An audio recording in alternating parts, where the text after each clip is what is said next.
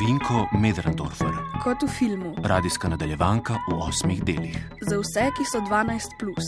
Peti del. Velikan Max in vijolična hiša. Kot sem vam povedal že zadnjič, se mi je v nekaj dneh zgodilo več, kot se dogaja v filmih. Ata me je pripeljal k enemu čudnemu tipu, ki je imel na mestu hišnega psa čuvaja čist pravo svinjo in hišo sred gozda, pa to ni bila navadna hiša. Bila je Bila je vijolična vijolična hiša, hiša. pobarvana v stropeno na gravžno vijolično barvo, noro. Ko bom to skajpal Tini, mi ne bo verjela. No, Ata se je odpeljal, podaril plot, mene pa je stisnilo pri srcu in zadrgalo v grlu. Ostal sem sam sred gozda z neznansko velikim sivolasim človekom, ki je rekel: Pejva v hišo. Ti bom predstavil Katarino Veliko. Na hodniku je v kotu ležala ogromna rožnata prašička. Nad ležiščem je bila pritrjena lesena ploščica z napisom Katarina Velika. Svinja se je dvignila in se obrnila proti meni. Spomnil sem se, kako je pregnala Ata na drevo, zato sem se umaknil za hrbet belolasega velikana. Ne boj se, Katarina Velika je zelo prijazna. Seveda sam s tistimi, s katerimi sem tudi jaz prijazen. Stega na roko, da te povoha, to je za njo kot stisk roke. Pa ne grize. O ja, zna ugrizniti, ampak tebe ne bo. Ugrizne sam hudobne ljudi. Kako pa ve, da jaz nisem hudoben? Živali zelo dobro čutijo, a je kak človek zares slab. In brez skrbi, Katarina Velika ve, da si dober fant. Katarina Velika prav, da je zadovoljna in da lahko vstopiš v najno dnevno sobo. Je res to rekla? Belolasi velikan razume njeno hrkanje? In spomnil sem se na film o dr. Dulitlu, ki sva ga z mamo gledala pred Božičem in mi je bil zelo všeč. Doktor razume živalsko govorico. Kaj če jo razume tudi belolasi velikan? Katarina Velika je moja prijateljica. In če boš hotel, bo enkrat lahko tudi tvoja prijateljica. Seveda, če bo naklonjenost obojestranska, za prijateljstvo sta vedno potrebna dva in oba si morata tega želeti. Kako pa to, da ste se odločili za. No, za. Za svinjo. Pred kakimi tremi leti sem si zaželel psa, šel sem ga kupiti, domov pa sem prinesel Katarino Veliko. In povem ti, boljša je od psa in bolj pametna tudi. Pravi človek. Zdaj čakam, da bo spregovorila. Vsak hip bo spregovorila, mogoče še te dni, ko boš pri meni. spregovorila. Kako, če pa čist navadna. No, čist navadna svinja pač ni. Ampak, da ti povem zgodbo do konca. Pri kmetu, zgoraj na hribu, so imeli mlade kuške. Dan, ko sem prišel po mladega psa, so zaklali. Katarinino mamo in tudi njene sestre in brate so hoteli spremeniti v klobase. Bilo je grozno. Tako žalostno me je gledala. Ko so vedela, da so kot ustvarjena drug za drugega, in ne mudoma sem jo rešil. Bila je čist majhna. Tak simpatičen in okusen dojek, so rekli. Groza. Od takrat v vijolični hiši ne jemo več mesa. Še sreča, da sva z Atom poskusila prav vse McDonald'sove specialitete. Tako bom v tej hiši laže zdržal brez hamburgerjev. Zatlačil sem si jo za plašč, da ji je bilo toplo, ker je bila zima huda. Vrgel sem denar na mizo in šel. Nikoli več nisem obiskal tiste grozne kmetije, se spomniš, Katarina Velika. Rešil sem jo pred grozno smrtjo in ona mi je zato zelo hvaležna. Pol pa sem ugotovil, da je odlična čuvajka in sem jo naselil v veži. Tu se prav dobro počuti, lahko pa se, če hoče, sprehaja tudi po hiši, seveda, če sem jaz zraven, ker je včasih vse en uide. Sej veš kaj, pršiči kakec. To je močnejše od nje, zato je njeno mesto v veži. Sicer pa je Katarina Velika zelo čista. Vem, kaj misliš, ampak povem ti, res je zelo čista. Zunaj za hišo ima svoje stranišče. Vhodna vrata sem preuredil tako, da ima spodaj svojo nihajno loputo in lahko prihaja in odhaja, kadar hoče. Loputo pa moram kar naprej širiti, se, se tudi Katarina velika šir. Problem so sam potepuški psi, ki se po noč klatijo tu okoli. Zadnjič, ko je šla na stranišče, jo je en napadel. Zelo hudo je bilo. Joj, uboga Katarina. Mm, ne, mislim, hudo je bilo s psom. Reveč je tako belsko in civilo, ko je bežal pred njo, da se mi je kar zasmilo. Velikan se je zasmejal. Njegov smeh je bil glasen. In ne boste verjeli, tudi Katarina se je zasmejala. Na svoj prašiči način, seveda. No, pa peva v dnevno sobo. Stopila sva v veliko sobo. Nisem mogel verjeti, da je v taki mehki hiši lahko tako velika soba. Vsa je bila obložena s knjižnimi policami. Mislil sem, da sem vstopil v šolsko knjižnico. Povsod same knjige. Tu so bili tudi usnjeni stoli, precej izdelani in stari. Ob oknih je stala velika miza, na njej pa knjige. Spet knjige, odprte, zaprte, velike, majhne, knjige v kupih. Tla so bila pokrita z raznobarvnimi preprogami, na preprogah pa spet knjige. Kupi knjig, ki so se dvigali od tal kot različno veliki stolpi. Med njimi so bile potke, ceste, avenije, tako da si med kupi knjig sploh lahko prišel od enega do drugega usnjega stola. Stene, kar se jih je sploh videlo, so bile pobarvane z živo rdečo barvo, ki se je nadaljevala na stropu. Dvignil sem glavo in strop je žarel v rdečini. Kot ogen. Tukaj preživim največ časa. In vse to ste prebrali. Zakaj me vikaš? Ne vem, zelo stari ljudi se vikajo. No, tako zelo star, pa spet nisem, jaz sem Max. Ni vljudno, da me nočeš klicati po imenu, če sem te za to prosil. Prav, gospod Max. Neč gospod, nočem biti gospod. Gospodje živijo v mestu, jaz živim v gozdu. Gospodje sprehajajo pse, jaz imam Katarino veliko, nisem gospod, kar Max mi reče. Ti, Max, bom najbolj zadovoljen. Prav, ti, Max. Vidim, da ti gre težko z jezika. Kako bi mi pa ti najrajš rekel? Ne vem, Ah, seveda veš. res ne vem. Pomagal ti bom, no, razmisliva.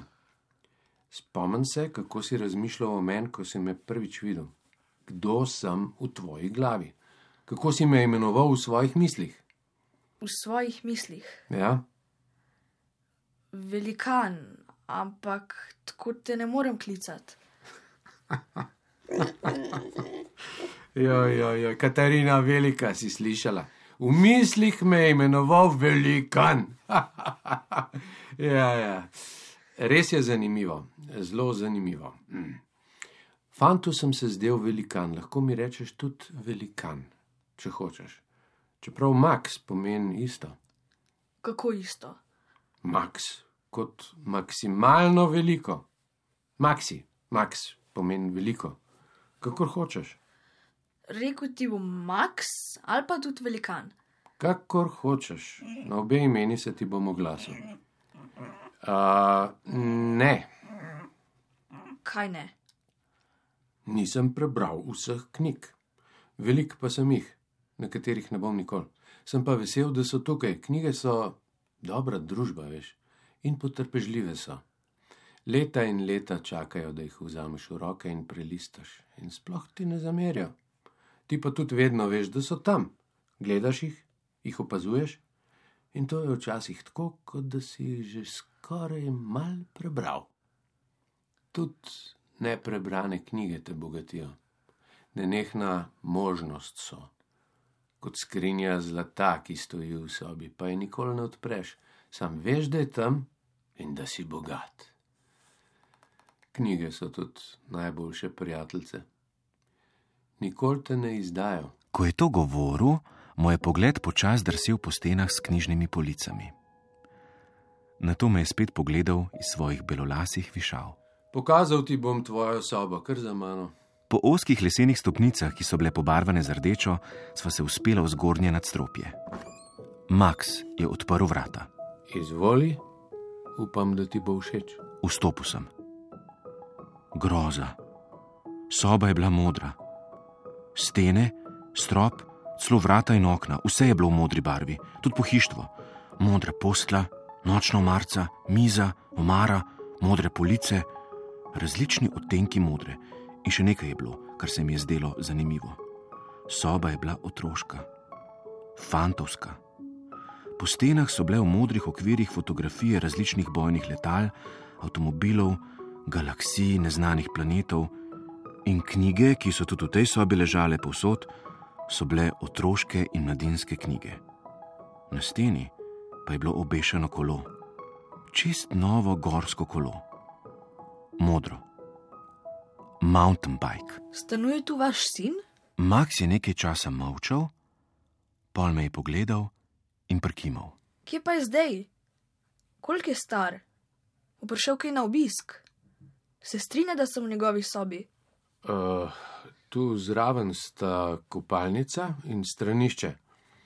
Prid dol, ko se urediš, bova večerjala, prav? Prav. Sedel sem na poslo in se razgledal po sobi. Bila je zelo lepa, čista, pospravljena. No, če sem iskren, Max je z modro barvo res pretiraval. Mogoče pa je modro všeč njegovemu sinu. Nikoli še nisem bil v tako lepi sobi. Na vsak način se bom imel fino. Pogledal sem modro kolo, ki je bilo obešeno na steni. Točno tako sem si želel. In že skoraj bi ga dobil. Mama mi ga je obljubila za novo leto. Pol pa je izgubila službo in tako smo kolo prestavili za nedoločen čas. Kolo je dišalo po novem. Najbrž veste, kako krasno dišijo nova kolesa. Gume so bile čiste, nikoli se še niso dotaknile tal. Očitno fant, ki živi v tej sobi, nima kakega posebenega veselja do kolesarjenja z gorskim kolesom. Kaka krivica. Tisti, ki si gorsko kolo želijo, ga morajo čakati nedoločen čas, tisti, ki ga imajo, in pa ni nič do njega.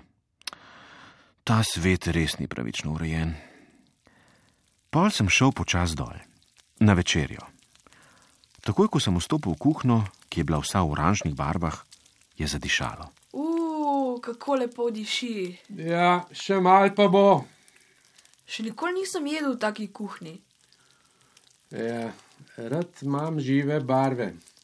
Res? Nisem opazil. Ja. Ojoj, oj, Katarina Velika, si slišala? Najn gost je zelo duhovit. Duhovitost pred spanjem pa obeta dober san. A bo Katarina Velika večerjala z nama? Jasno? Katarina Velika je enakopraven član družine. Ko je bila še manjša, je imela celo svoj stav. Zdaj, ko ima že krepko čez 100 kil, pa sem ji njeno posodo dal pod mizo, tako da se ne boš ustrašil, ko te bo med večerjo grizlala po gležnjih. Kaj? Hecam se. Ne bo te grizlala, sam z rjucem te bo kdaj pa kdaj rahlo sunila, da ne boš pozabil na njo. Je tako, Katarina Velika. No, zdaj pa dober tek. Pol smo vsi trije jedli palačinke, namazane s sladkim borovim sirupom, ki ga je Max sam naredil. Borov sirup je bil odličen, boljši kot marmelada. Bil je sladkogrenko limonastega okusa. Imel pa je tudi eno pomankljivost. Poln je bil borovih igelc, ki si jih moral med jedjo pluvati v zato pripravljeno oranžno skodelo. Tako se mi zdijo palačinke veliko bolj zanimive. Igelce moraš pluvati kot peške prlubenici.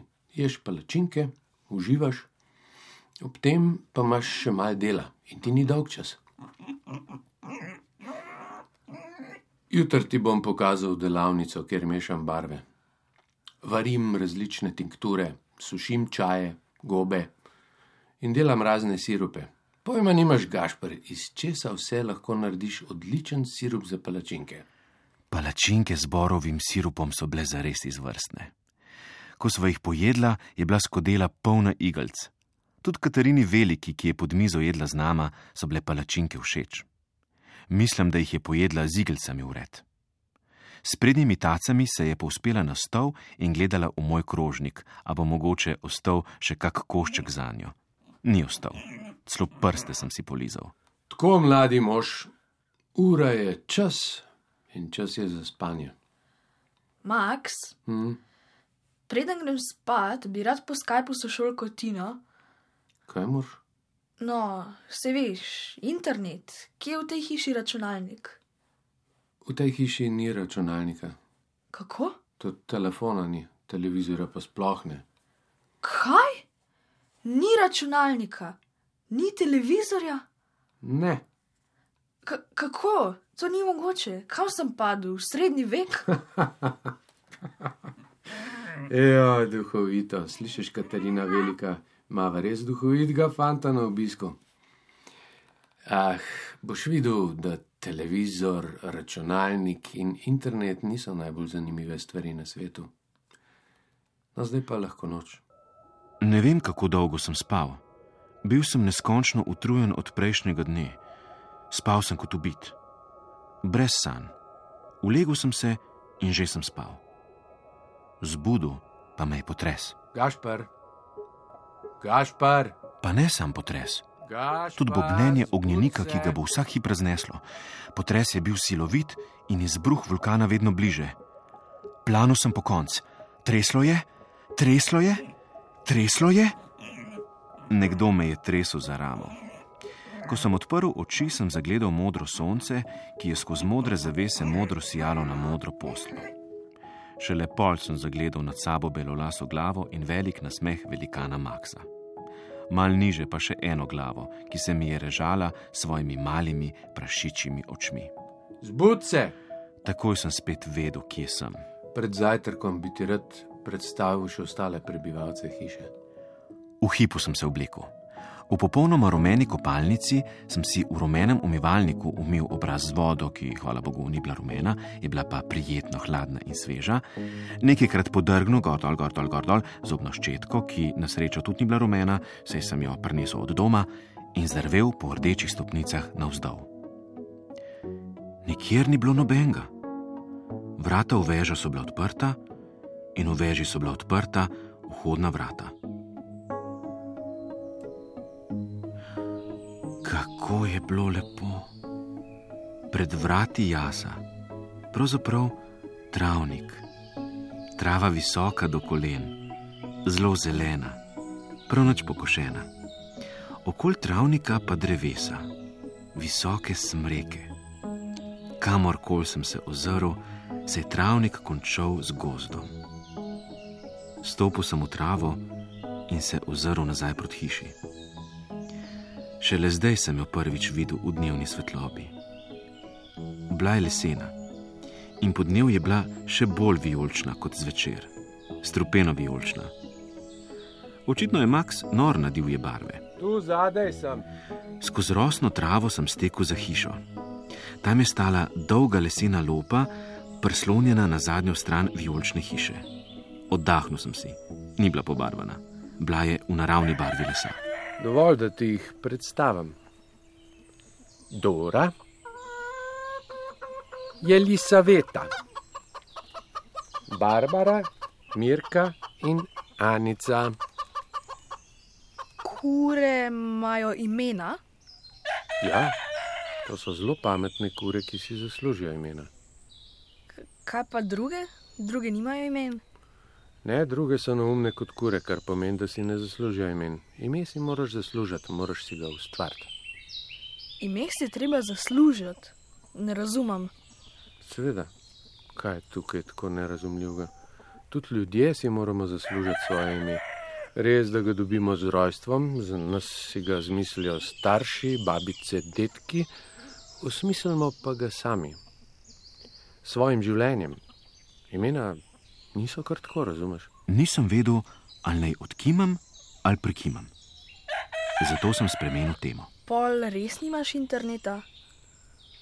Te zgodba z imeni ne zanima? Me, seveda me zanima. Ne zanima te. Ni narobe, če te ne zanimajo stvari, ki zanimajo druge. Ni se ti treba pretvarjati, da te nekaj zanima, sam zato, da boš drugemu naredil uslugo. Razumeš? No, ja. Obljub mi, da me boš ustavil, če bom govoril o čem, kar te ne zanima. V redu. V življenju izgubimo ogromno časa, ker delamo česar v resnici nočemo. Še huj pa je, ker prevečkrat to počnemo iz prijaznosti. Zato, da ne bi bil kdo užaljen, da ne bi koga prizadel. To pa v resnici ni iskreno, razumeš? Ja, razumem. Pa res razumeš, ali kimaš sam zato, ker bi mi rad ustregu? Res razumem, stric Max. Nisem tvoj stric. Lahko mi kličeš Max ali pa velikan, lahko mi rečeš ej ti. Karkoli mi lahko rečeš, stric, pa ne, ni mi všeč. Oprosti, mislil sem. Nač oprosti, zakaj oprosti? Vse nisi nač tazga naredil, da se bi bilo treba upravičevati. Oprosti rečemo sam takrat, kadar naredimo kaj hudo narobe. Ti si me poklical stric in jaz sem rekel, da nisem stric. To je vse. Ni se treba za vsako figo upravičevati. Beseda oprosti je pomembna beseda. Vrčevati moramo z njo. Če jo kar naprej uporabljamo, zgubi smisel takrat, ko se bomo zares želeli upravičiti, ne bo imela nobene resne teže več. Prav? Hm, res prav, ali mi hočeš narediti samo slugo? Max, zdaj pa že res zelo težiš. bravo, bravo, tako se govori. Iskrenost, sam iskrenost nekaj šteje. Alo, pejmo, Katarina velika, Dora. Jelisaveta, Barbara, Mirka, Anica. In smo šli. Pejmo na obhod. Max, zraven njega jaz, tik za nama Katarina Velika, za njo pa Dora, Jelisaveta, Barbara, Mirka in Anica. Ostale kure, ki si niso zaslužile imen, so ostale na dvorišču in brskale po zemlji. Le kaj zanimivega se mi bo še zgodilo danes? Komaj čakam.